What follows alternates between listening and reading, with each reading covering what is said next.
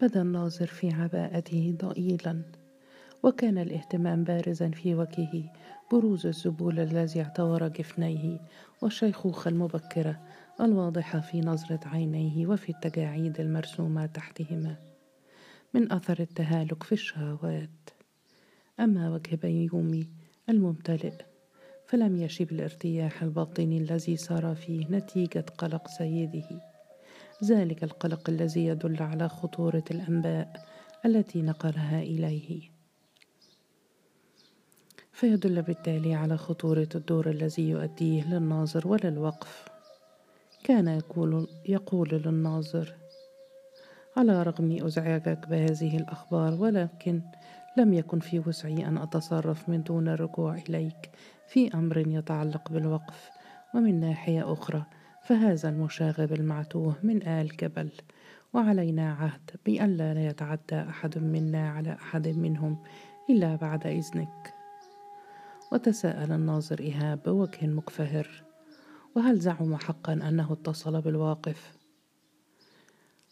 فأجاب بيومي تأكد لدي ذلك من أكثر من مصدر إن مرضاه يؤمنون بذلك ولو أنهم يكتمون الأمر بحرص شديد.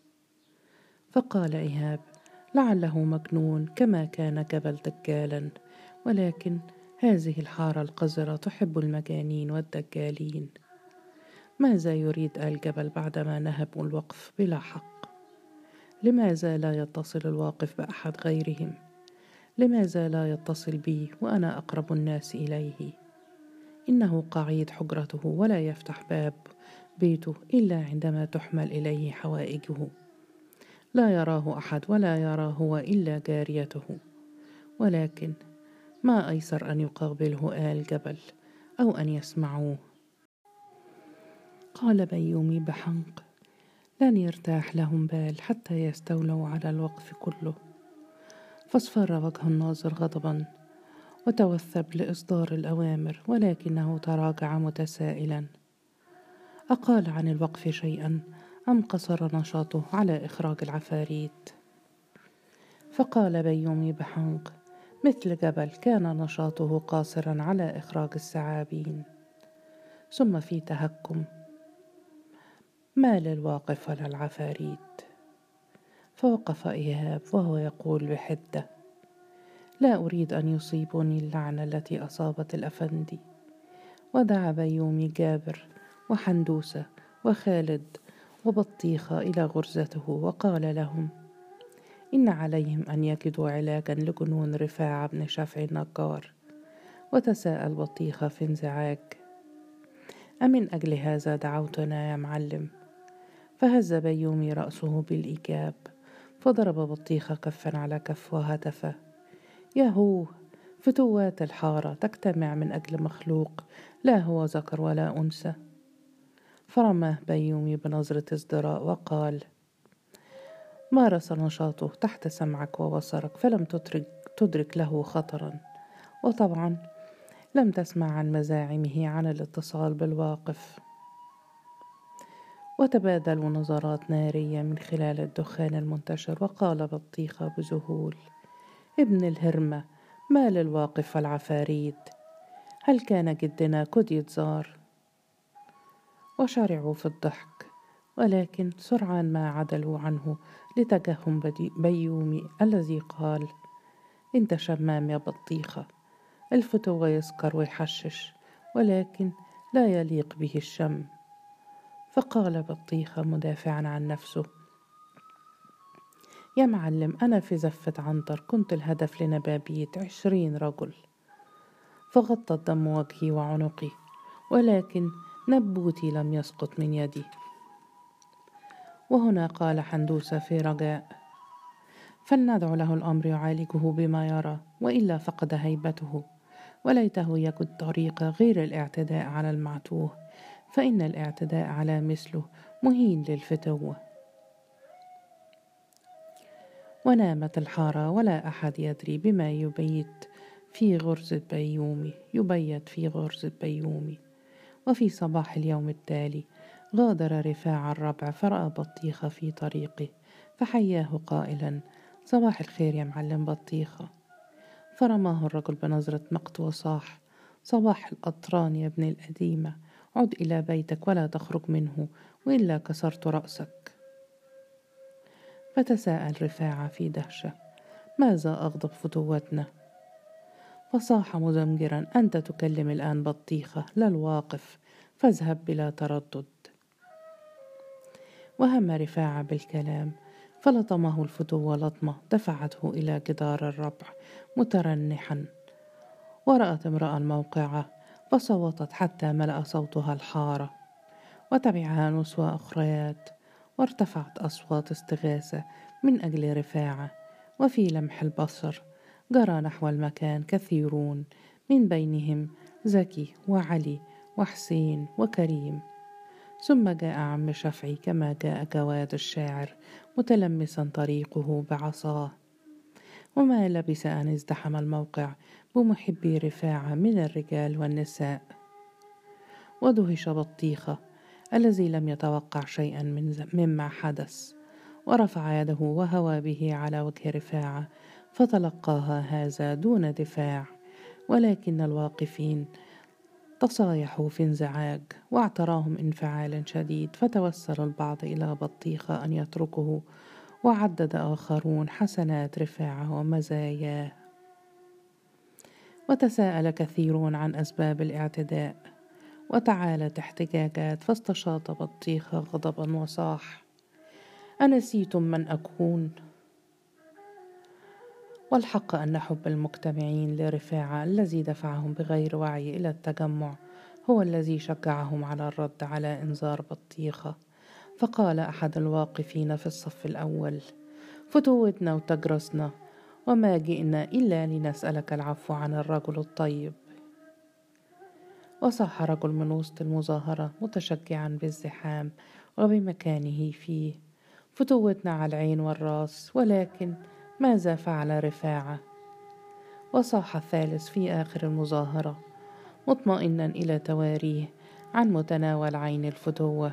رفاعة بريء والويل من يمد له يد بسوء. وثار غضب بطيخة فرفع نبوته فوق رأسه وهو يصيح. يا نسوان سأجعلكم عبرة. وإذا بصوت النساء يرتفع من الأركان حتى انقلب الحي مأتما.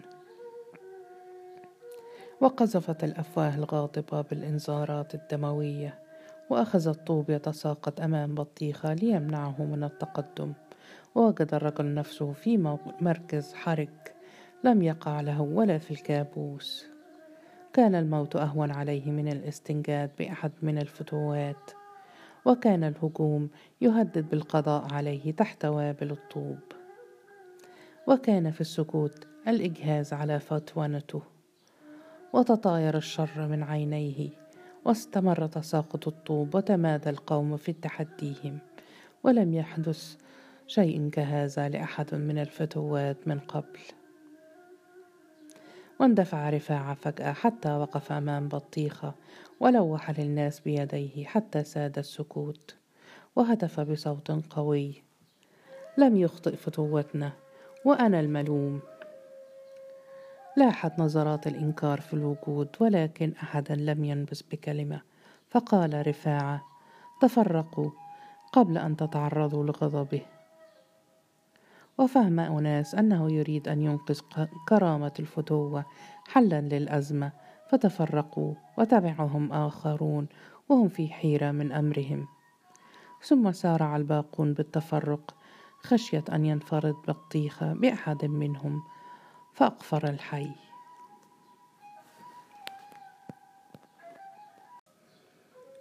اشتد التوتر بالحارة بعد تلك الواقعة وكان أخوف ما يخاف الناظر. أن تعتقد الحارة بأن في تضامنها قوة تكفل الصمود أمام الفتوات. لذلك وجب في نظره القضاء على رفاعة ومن تحدثهم أنفسهم بالوقوف إلى جانبه. على أن يتم ذلك بالاتفاق مع خنفس فتوة آل جبل تجنبا لنشوب عراق شامل في الحارة. وقال الناظر لبيومي ليس رفاعة بالدرجة التي تظنها من الضعف فوراءه محبون استطاعوا إنقاذه على رغم أنف الفتوة. فماذا يكون من أمره لو تعلقت به الحارة كما تعلق به حيه هنالك سيدع العفاريت جانبا ويجاهر بأن الوقف غايته. وصب بيومي غضبه على بطيخة فهزه من منكبيه بعنف وقال له تركنا الأمر لك وحدك فماذا فعلت يا شين الفتوات؟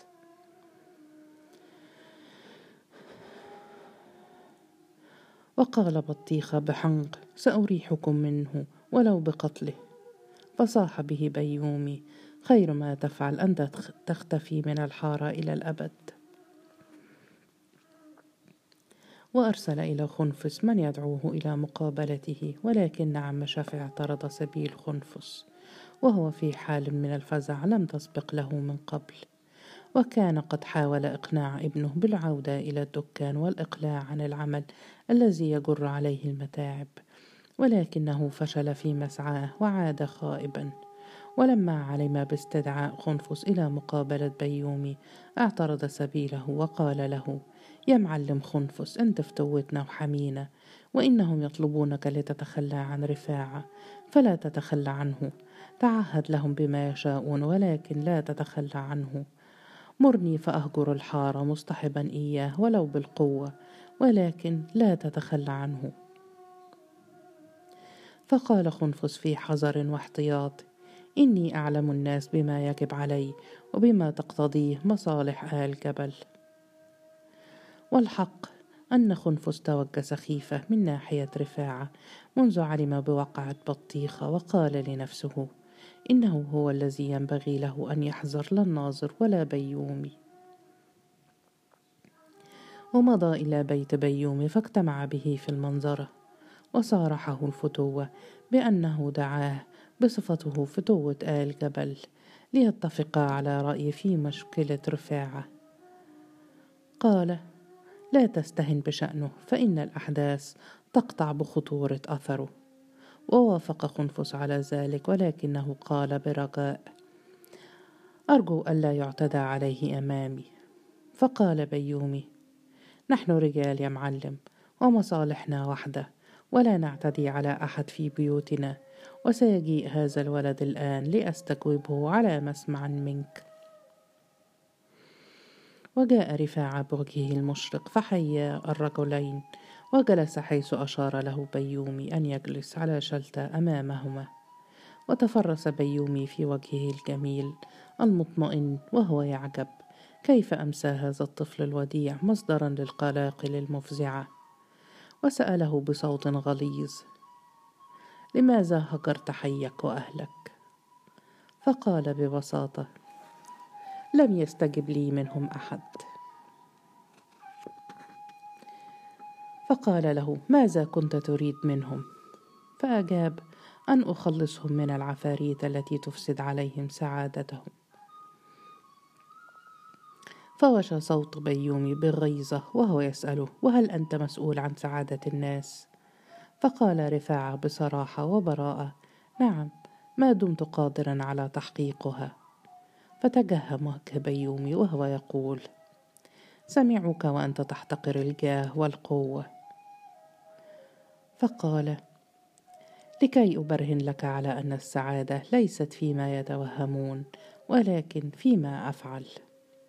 فتساءل خنفس غاضبا أليس في ذلك تحقير لأصحاب القوة والجاه؟ فقال دون أن يضطرب لغضب الرجل كلا يا معلم ولكن فيه تنبيها بأن السعادة غير ما يملكون من قوة وجاه. وتفحصه بيومي بنظرة نافذة وهو يسأله وسمعوك أيضا وأنت تؤكد أن ذلك ما يريده لهم الواقف. فتجلى الاهتمام في العينين الصافيتين وقال هم يقولون ذلك؟ فقال بيومي وماذا تقول أنت؟ فقال بعد تردد لأول مرة على قدر فهمي أتكلم. فقال خنفس متهكما المصائب تجيء من العقل الزنخ. وقال بيومي وهو يضيق عينيه لكنهم يقولون أنك تعيد عليهم ما سمعت من الجبلاوي نفسه. بدت الحيرة في عينيه وتردد للمرة الثانية ثم قال هكذا فهمت أقواله لأدهم ولجبل. فصاح خنفس غاضبا أقواله لجبل لا تحتمل التأويل. واشتد الحنق ببيومي وقال لنفسه كلكم كذابون وجبل أول كذاب فيكم يا لصوص. وقال أنت تقول أن إنك سمعت الجبلاوي وتقول هذا ما يريده الجبلاوي وليس لأحد أن يتكلم باسم الجبلاوي إلا ناظر وقفه ووريثه. ولو أراد الجبلاوي أن يقول شيئا لقاله له. هو الأمين على وقفه ومنفذ شروطه العشر.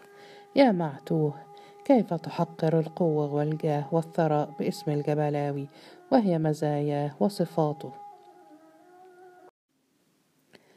نمت الأسارير الصافية عن ألم وقال إني أخاطب أهل حارتنا لا الجبلاوي هم الذين تركبهم العفاريت وهم الذين تعذبهم المطالب. فصاح به بيومي ما أنت إلا عاجز عن القوة والجاه فلذلك تلعنهما ولترفع مكانتك الحقيرة في نظر الأغبياء من أهل حارتنا فوق مكانة السادة وعندما تجدهم طوع يديك تنهب بهم القوة والجاه. فاتسعت عينا رفاعة دهشة وتساؤلا وقال لا غاية لي إلا سعادة أهل حارتنا. فصاح بيومي يا ابن الماكرة أنت توهم الناس بأنهم مرضى بأننا جميعا مرضى فلا صحيح غيرك في هذه الحارة.